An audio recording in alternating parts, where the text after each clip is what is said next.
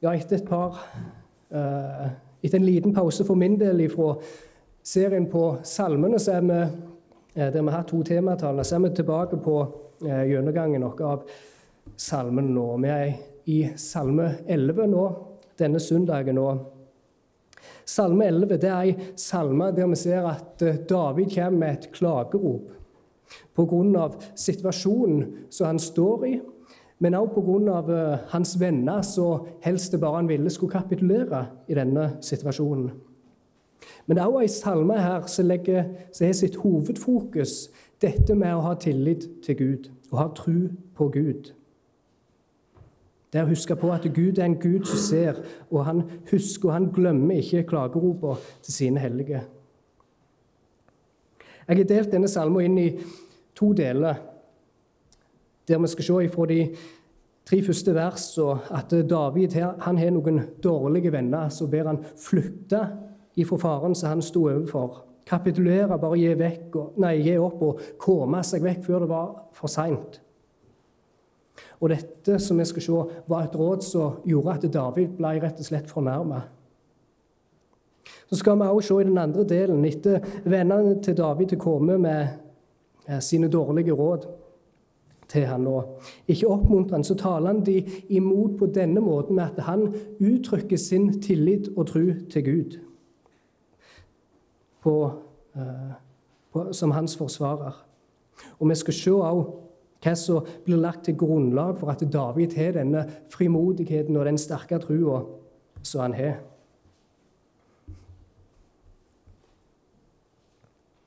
Det blir ikke direkte eh, sett fram her hva som er den historiske konteksten i denne salmen. Men sjøl vil jeg si at det gir mest mening at David skrev denne salmen når kong Saul ennå var konge i Israel, og at eh, David var fremdeles med kong Saul sitt hoff. Men at det var rett med da når Saul begynte å forfølge David. David han hadde jo beseira Goliat og ga israelsfolket en stor seier. og Dette gjorde jo at David ble vanvittig populær blant folket.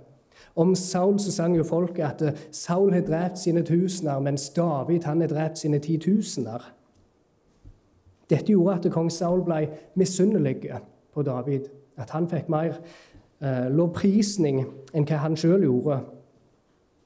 Og, det, og dette gjorde at eh, kong Saul var redd for at David skulle prøve å røve til seg krona ifra ham. Så Saul begynte å konspirere imot David og ville sørge for å prøve å ta livet av David.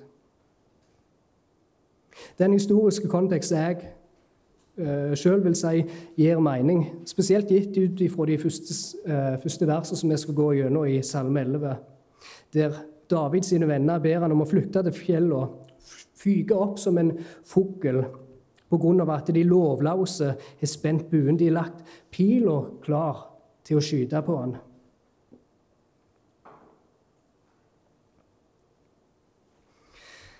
Det første verset i denne salmen setter på en måte fram hva som er hovedfokuset i denne salmen, nemlig tillit til Gud midt i trengsel og forfølgelse.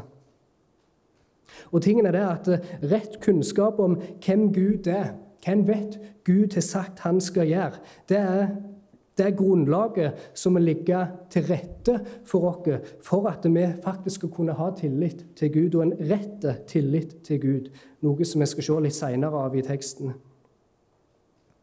Så David han begynner denne salmen med å si at eh, til Gud søker jeg min tilflukt. Se. Og Han sier dette her av at han sto i en fare. Og Rådet som han fikk fra vennene hans, det var flytt opp til fjellene som en fugl.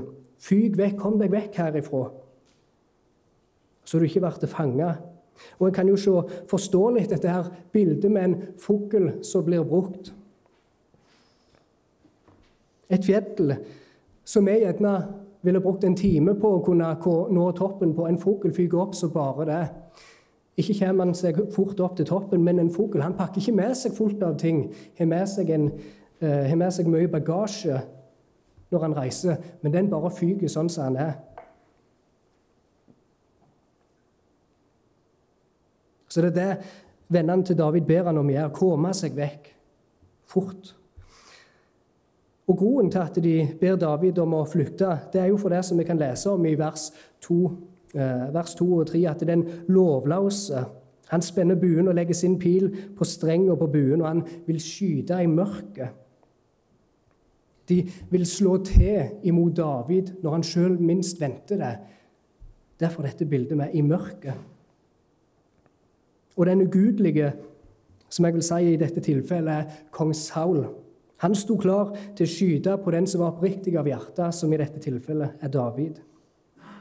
Og Dette passer godt til det, en, til det en f.eks. kan lese fra 1. Samuels bok 19, når David var i Saul sitt hus og spilte på harpa si for kongen, og ei vond ånd kom over kong Saul, som gjorde at eh, han tok spydet som han hadde i hånda, og gikk til angrep på David, men David klarte å komme seg vekk derifra. Den andre grunnen til som gjorde at vennene til David ikke så noe håp for ham, det er det som vi kan lese i, i eh, vers 3.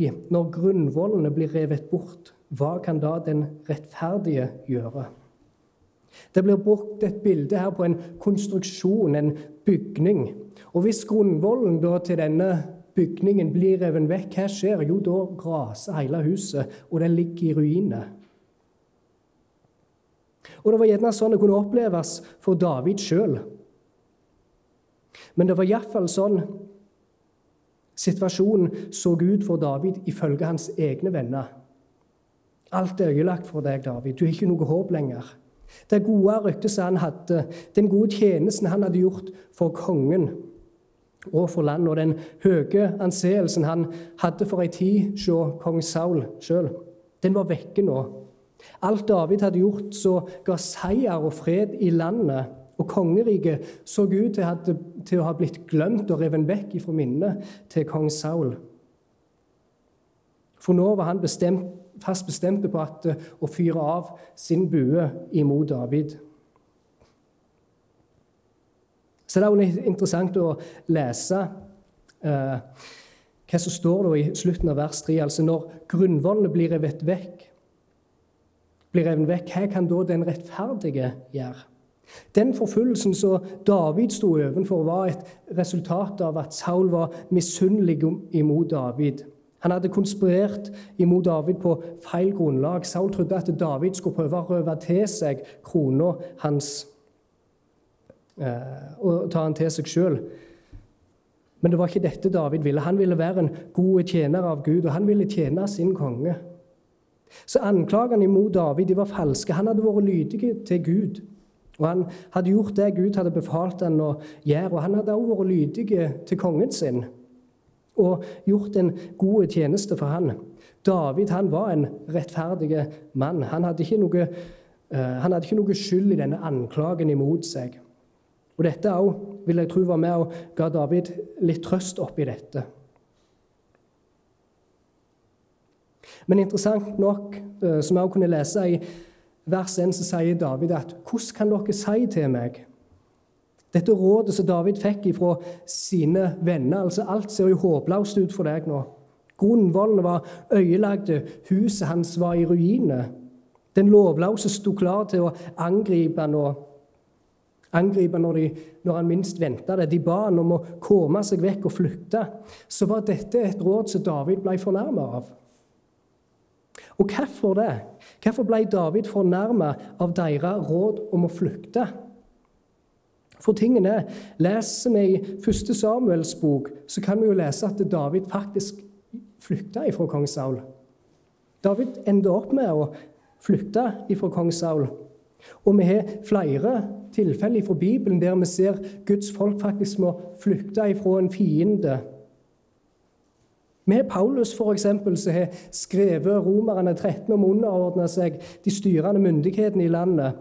Til og med han flykta fra landshøvdingen i Damaskus med å bli eh, firt ned fra muren i ei korg. Og vi, jo, vi, kan jo lese i evangeliet at eh, Jesus sier til disiplene sine at eh, hvis dere blir forfulgt i en by Nei, hvis, ja, hvis dere blir forfulgt i en by, så flykt til en annen by.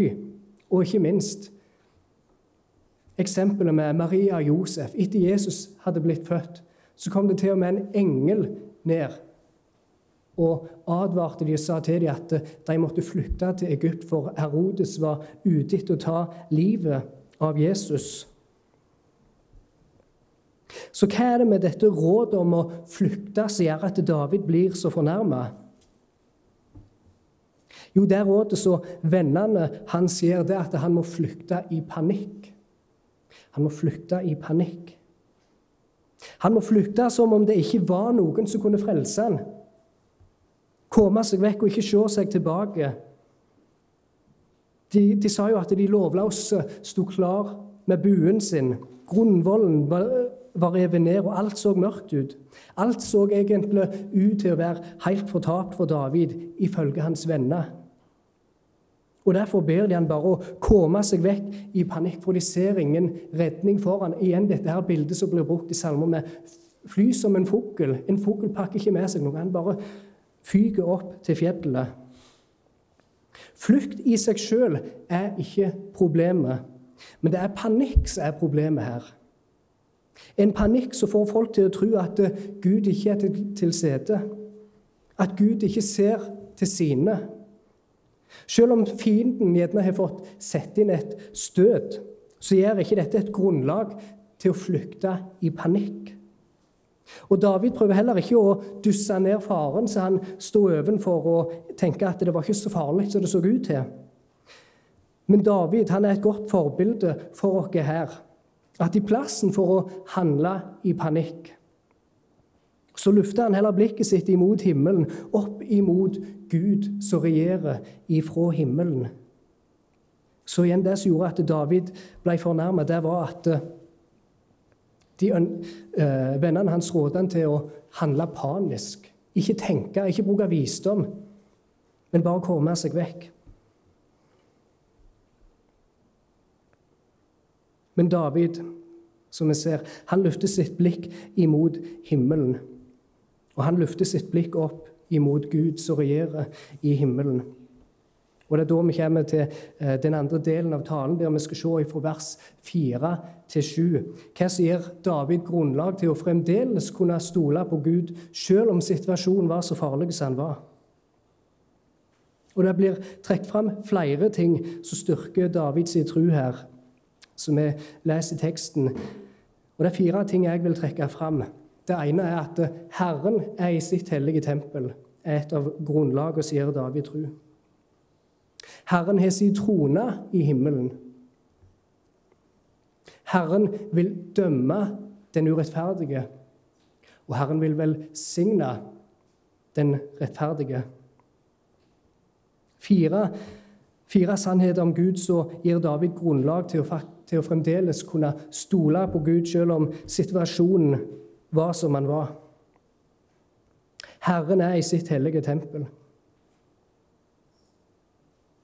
Selv om omstendighetene her på jorda var ganske tøffe for David, at til og med kong Saul var ute etter å ta livet av ham, så hadde David fremdeles festa sitt blikk på Gud. Og han sier at Gud er i sitt hellige tempel. Så det er interessant å si, for hvis iallfall konteksten stemmer, da, den historiske konteksten stemmer, som jeg tenker, så var det jo ikke bygd noe tempel ennå på jord. Så Det som gjør at eh, David finner trøst i at Gud er i sitt hellige tempel, er at eh, selv om han vet at eh, det er fare her på jord, så vet han at samme hvor stor faren her nede på jorda var, så vil ikke den være stor eller mektig nok til å kunne rokke Gud som sitter i sitt hellige tempel i himmelen.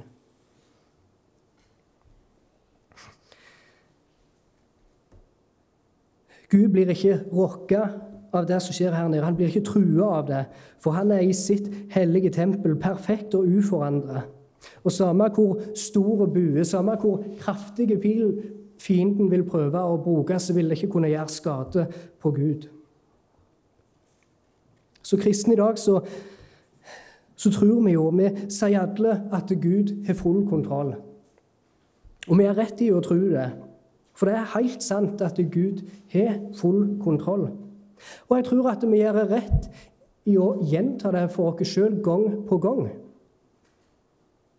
Sånn at vi kan ha denne grunnleggende sannheten om at Gud har full kontroll. At vi kan binde den om livet vårt.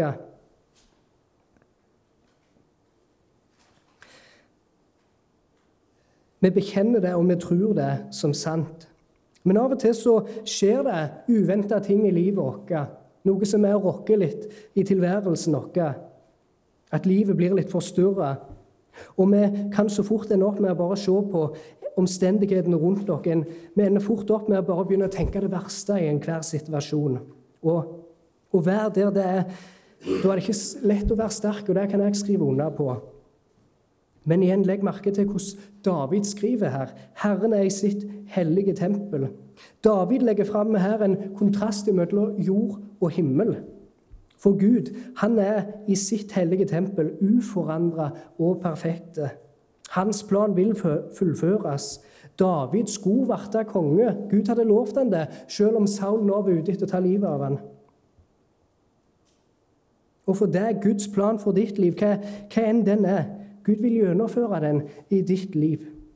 David han vil her at vi skal løfte vårt blikk og stole på Gud, som vil gi oss frelse og vil bevare oss. David sier ikke bare her at Gud er i sitt hellige tempel, men han sier at Herren har sin trone i himmelen. Guds trone er i himmelen, og det er ut ifra der at Gud vil utføre dom. Gud til sin trone i himmelen, og det er der Gud vil utøve sin rettferdighet ifra. Og dette her er noe som bør være til oppmuntring for oss som kristne i dag, faktisk. Når det, gjelder, når det kommer til dette med Guds trone. For Guds trone, der Gud utøver sin rettferdighet ifra, det er en plass, det er en hellig tilfluktsplass, om du vil, der hver den som lider og har det vondt, kan ta sin tilflukt til.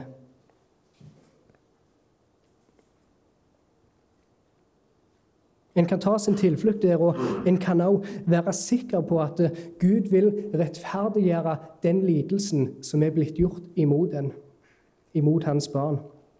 Så derfor nå når synd og vondskap og undertrykkelse, vold og andre grusomheter som vi ser her på jorda Når det ser ut som alt har blitt lagt unna et mørke og lidelse, så laget midt i dette her la, la trua vår være et lys for oss.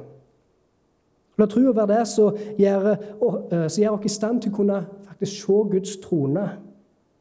Og la troa vår òg være en hjelper for oss, som gjør oss i stand til å kunne holde ut og være tålmodige og vente på Gud. For selv om det kan se mørkt ut for ei tid i livet, så vil det ikke alltid være sånn. Gud vil sette ting i den rette stand. En tredje ting som gir David håp, er at eh, Gud ut ifra sin trone han vil dømme den urettferdige. Her er det ting som følger litt etter hverandre. Gud er i sitt hellige tempel. Gud har sin trone i himmelen, og ifra sin trone så vil han dømme. Gud han dømmer ikke mennesket bare på måfå helt random. Men Gud han ser ned ifra himmelen så det står også i, i eh, vers 4 at han prøver mennesker med sitt blikk. Han prøver både den rettferdige og urettferdige. Og Det faktum at Gud er i himmelen og ser ned på jorda, er enda en trøst for David, som viser at Gud han ikke trukket seg vekk. Han har ikke snudd ryggen til å skjule seg. Han har ikke pensjonert seg ifra å utføre sin vilje her på jorda. Men Gud han er veldig aktiv i det som skjer på jorda, med at Gud han, han er fra si trone i himmelen, og han ser ned på mennesker og prøver dem. Det som er litt interessant, er eh, så det står i slutten av vers 4 at han prøver menneskene med sine blikk. Så kan en, eh, så kan en i engelske oversettelser lese at 'his eyelids test the children of men. Som vil si at øyelåga til Gud prøver mennesker. Gud han er jo ånd, som Bibelen lærer oss, men David bruker her et bilde for å beskrive hva Gud gjør, og at Gud ser ned på mennesker. Han bruker et språk som vi skal kunne forstå litt mer hvordan Gud handler. og hvordan, ja, hvordan Gud handler. Og Spesielt når Gud ser ned på den urettferdige, så blir det jo beskrevet altså det, Når Gud ser ned med øyelågene sine, så blir det mest så eh, ja, det blir mest beskrevet så at Gud ser ned, og så myser han litt ned på mennesker med øynene sine. Eh, litt på samme måte som en ser litt mistenkelig på noen andre. En myser ned på mennesker, på den urettferdige. Ta f.eks. en politimann som stopper en person, en tjuv som har stjålet noe fra en butikk, og så spør han tjuven var det alt du tok. Og Tjuven, ja, sier ja, det der var alt jeg tok. Så kan jeg gjerne se at politimannen myser litt med øynene sine, prøver tjuven for han er mistenkelig og tror ikke at han har fått tilbake alt som han tok. Og Det samme kan gjerne en far òg gjøre.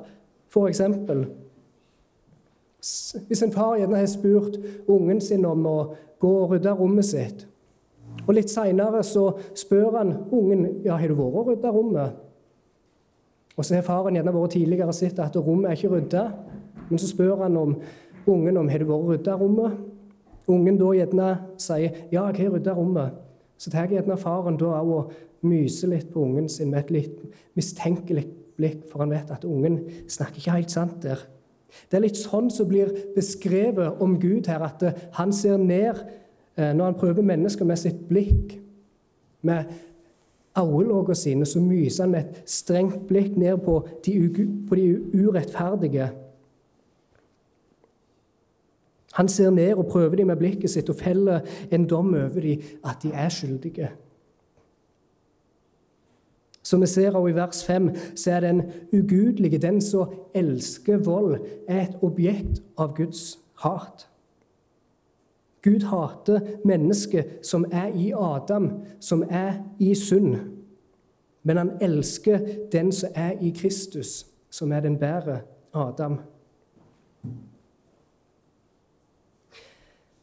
Når dommen her ble beskrevet i Salme 11, så er det nokså likt det som vi kan lese om historien om Sodoma og, og Gomorra, når Gud lot det regne flamme og svovel ifra himmelen for å knuse den byen.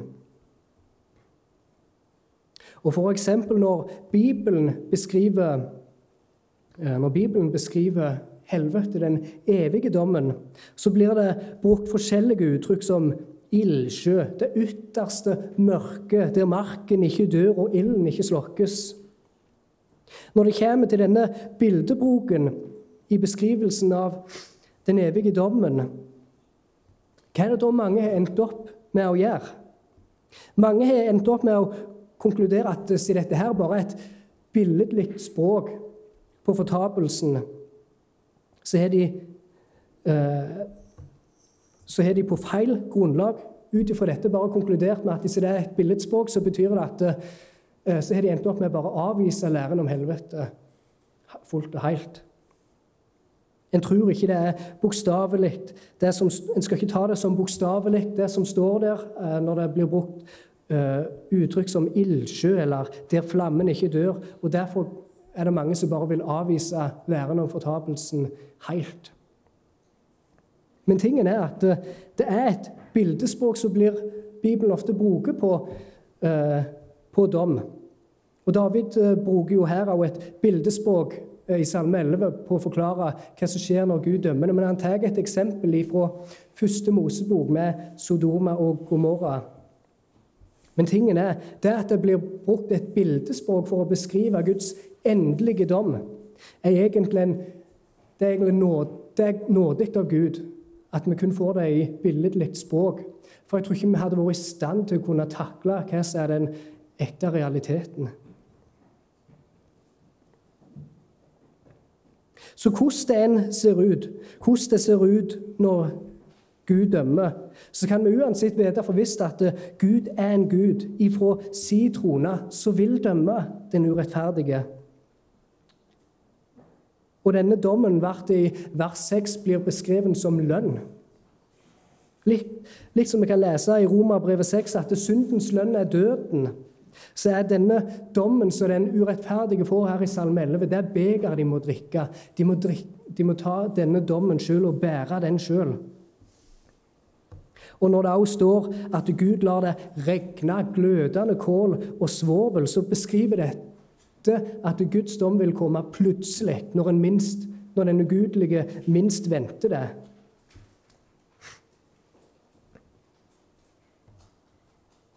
Salme 11 begynte jo med at den ugudelige, eller den lovlause ville spenne sin bue og skyte i mørket, og David minst venta det. Men David sier ja, Guds dom den òg vil komme uventa, når en minst venter det.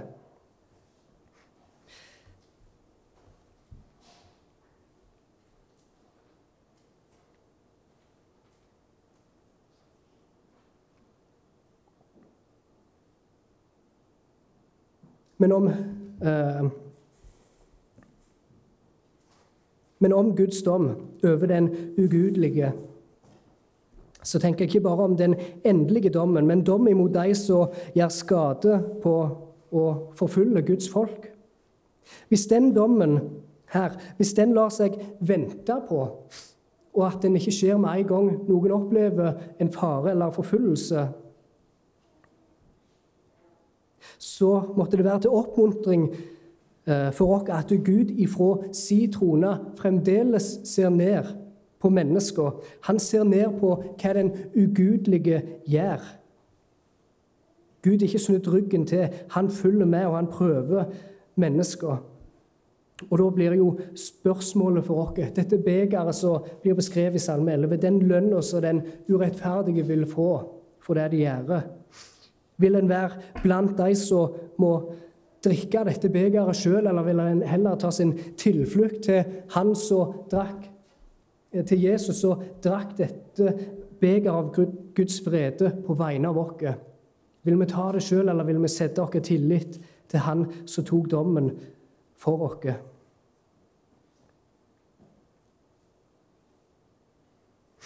Men det er òg en fjerde ting i dette her som styrker Davids tro på Gud det er at eh, Gud vil velsigne den rettferdige.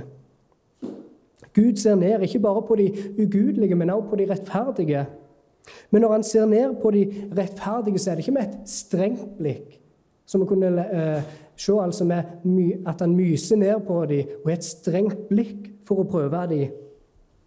Men heller at når Gud ser ned på de rettferdige, så ser han ned på de som tror på ham, for å prøve dem, for å trene dem faktisk. Han gjør det for å trene oss og styrke oss i vår lydighet til Gud, og også i vår, eh, utholdenhet. Og han, Gud ser ned på de rettferdige i kjærlighet. Så det, det blir beskrevet her at Gud ser ned både på den rettferdige og urettferdige, men når Gud ser ned på den rettferdige, så er det ikke så er det ikke med et strengt blikk. Han ser ned på oss i kjærlighet. Som igjen er noe som er med å, eh, er med å oppmuntre David. Gud han er rettferdig. Som en konsekvens av dette her, så elsker Gud rettferdighet. Ellers vil han ha fornekta seg sjøl. Det ble sett fram kontraster her imellom den rettferdige og urettferdige der den urettferdige han er mottaker av Guds misnøye og dom.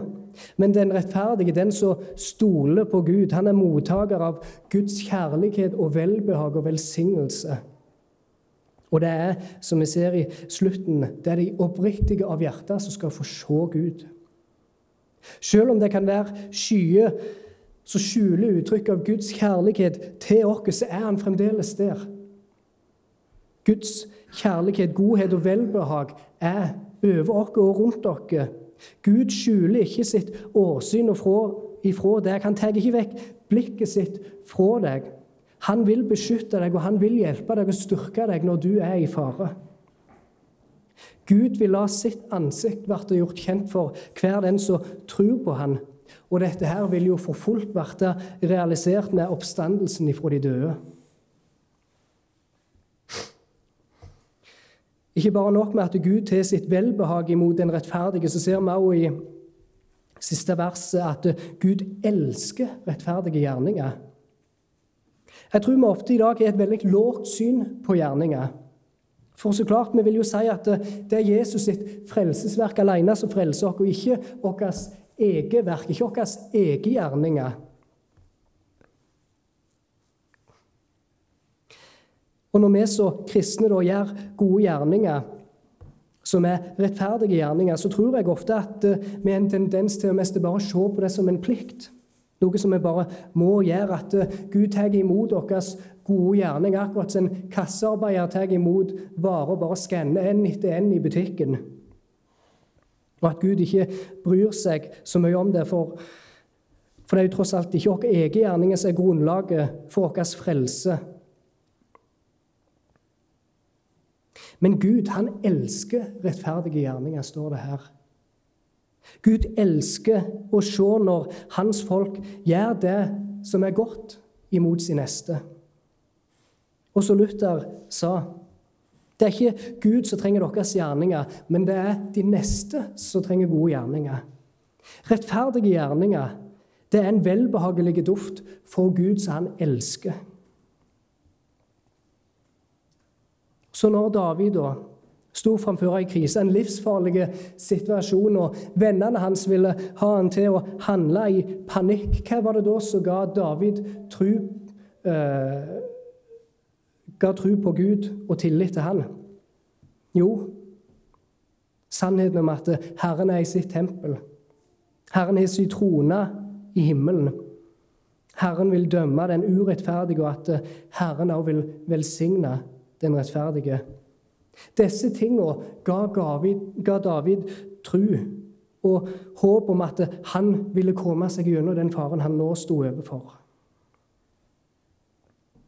Så hva kan vi lære av ei sånn salme som dette? En kan oppsummere det veldig enkelt. Ha tro på Gud. Stol på Gud. Tida vi lever i dag, oppleves på mange måter som turbulente. Vi ser mer og mer hvordan de kristne verdiene som en gang bygde dette landet, blir viska mer og mer vekk og blir erstatta med en ugudelig ideologi. Og Vi ser det ikke bare her til lands, men vi ser det skjer i mange forskjellige land.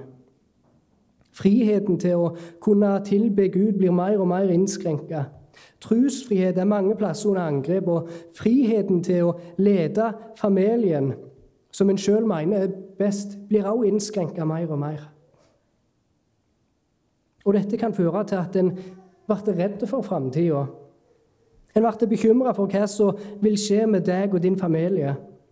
Og denne frykten kan fort resultere i at en handler i panikk, og ikke i visdom, og ikke i tru.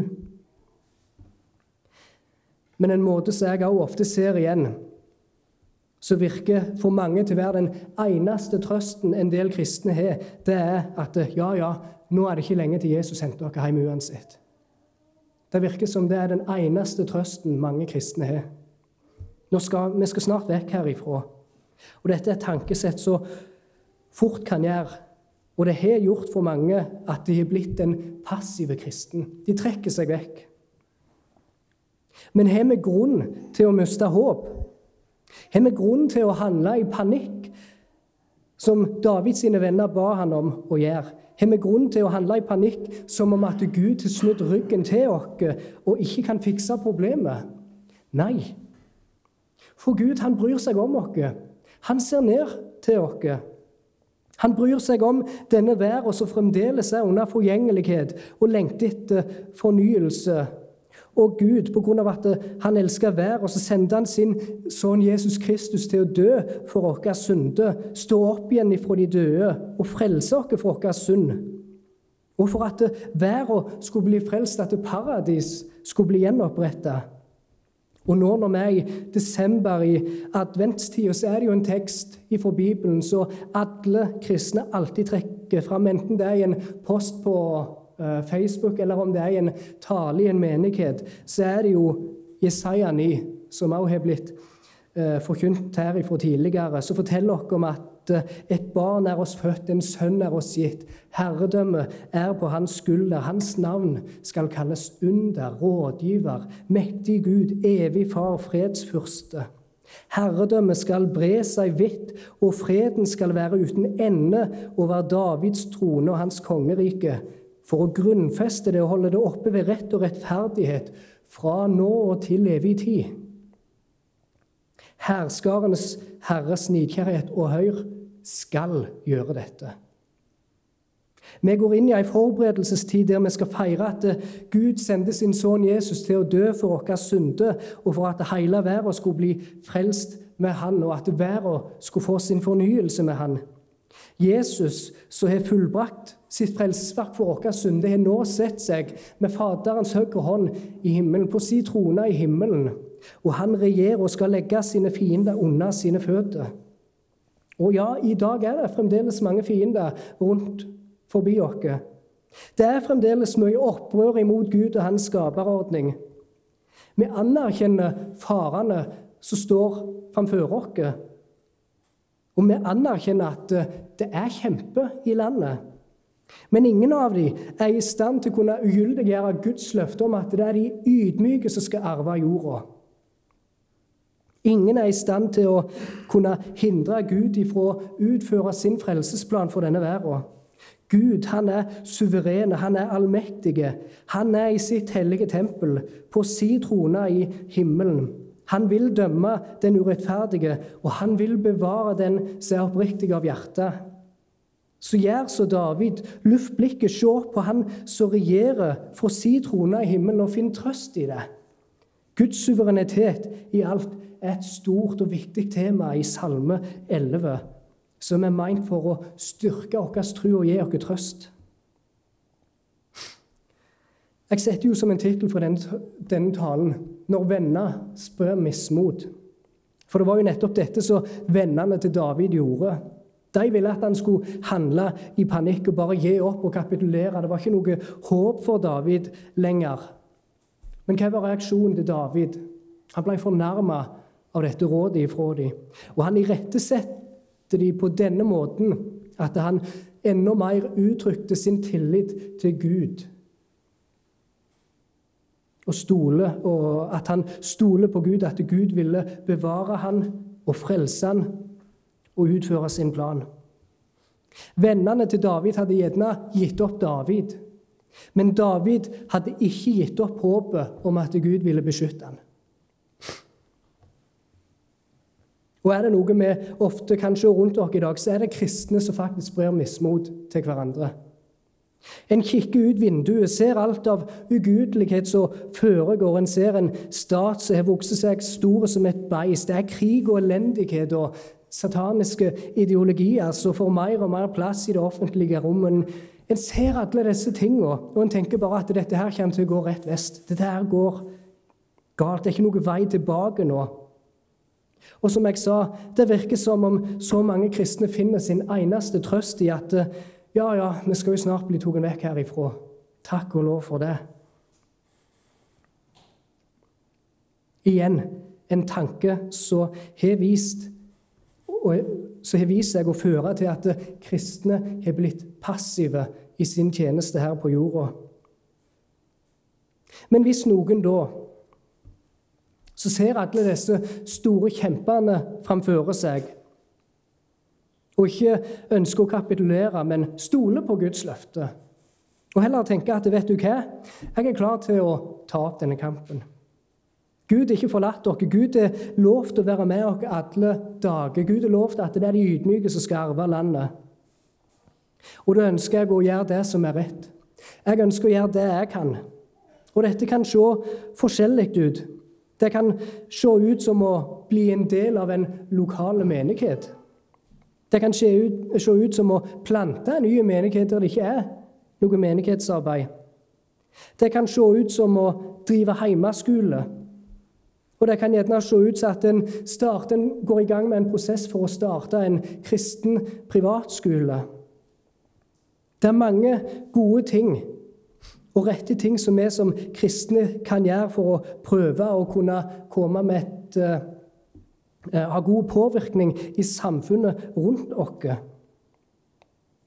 Og en går gjerne, Hvis en gjerne har sett framfor seg en plan at dette her ønsker jeg å gjøre, for dette tror jeg vil være til velsignelse for meg, for de rundt meg, og jeg tror at vi kan være et lys i verden med å gjøre dette her. Og en deler dette her gjerne med noen av vennene sine, og du kommer der og er begeistra for det, så kan det så fort skje at du blir møtt med at ja, men det nytter ikke. Se rundt deg. Det nytter ikke. Jo, altså, jeg syns det er søtt at du prøver å gjøre noe som skal prøve å påvirke samfunnet til det bedre. Men det vil ikke hjelpe. Kjempene er for store. De er for mange, Fiendene er for mange. Vi har ikke kjangs. Det nytter ikke. Det blir bare en liten dråpe i havet, det vi kan prøve å finne på. Hvis dere er sjøl blitt møtt med en sånn respons der en kristen bror eller søster sprer mismot til deg, så vil jeg oppmuntre dere til å gjøre som Caleb gjorde. Når israelsfolket skulle inn i det lovede land, så ble det jo sendt inn spioner for å se i Kanan hvordan det var der. Og de så murene var gigantiske, og det var jo kjempe i landet. De konkluderte med at eh, det er kjempe i landet. Murene er for høye. Vi har ikke kjangs til å kunne ta inn dette her. Men Caleb og Josva de stolte på Gud og Guds løfte. Og når i resten av eh, speiderne som bare spredde mismot framfor hele folket, hva var det Caleb gjorde? Han hysjte på dem. Han fikk dem til å lukke moen. For det å spre mismot det at de kristne sprer mismot iblant hverandre, er noe Gud ser vanvittig alvorlig på. Les en senere fra den historien, så kan en se at de som spredde mismot, de mista livet sitt. Så alvorlig så Gud på det. Så i plassen for å være blant de som sprer mismot Hvis folk ønsker å kunne starte, om det er en menighet, om det er en skole, eller gjøre noe som, vil, som en vet vil være, til, eh, vil være, godt, eh, være et godt forbilde for samfunnet som gjør at du kan spre lys. Og hvis du da bare blir møtt med at det nytter ikke, det du gjør, det vil ikke ha noe påvirkning, så husk på dem. Få dem til å lukke moen sin. Og Vær heller blant de som kan spre tru, frimodighet. Og Vær sånn som Josva og Caleb og si at vi har Guds sine løfter som er enda sterkere enn noen av disse her kjempene i landet. For Gud, han har lovt å beskytte oss og være med oss. Gud, han har lovt å bringe frelse og fornyelse til denne verden. Helt til slutt så vil jeg bare gjenta et poeng fra tidligere av. Om du ønsker å kunne gjøre noe som er til framgang for Guds rike, om det er å starte menighet, om det er å få mer unger, om det er å drive hjemmeskole, starte ei bibelgruppe eller eh, evangeliseringsarbeid, hva enn det er. Om gjerne, og du tror at det, du vil gjøre dette for du ønsker å kunne ha en positiv påvirkning for, for det samfunnet du bor i. Selv om at eh, du kan bli møtt med at eh, ja, det vil ikke ha så mye påvirkning, så skal du vite det at når du ønsker å gjøre noe, og når du gjør det trofast, gjør det, så elsker Gud at du gjør det. Gud elsker rettferdige gjerninger. Når vi gjør noe, når vi gjør et arbeid, et verk, som er til gang for vår neste når vi, og vi går i gang med et arbeid som er til framgang for Guds rike, og at vi gjør det i lydighet til tro, pga. at Han har lagt det på vårt hjerte å gjøre det. Og hvis vi da går i lydighet og stoler på Gud, at Han vil velsigne dette arbeidet, så ha tillit til at Gud vil velsigne deg, og husk at Gud elsker rettferdige gjerninger. Og det, er ikke, det vil ikke være forgjeves, det du gjør.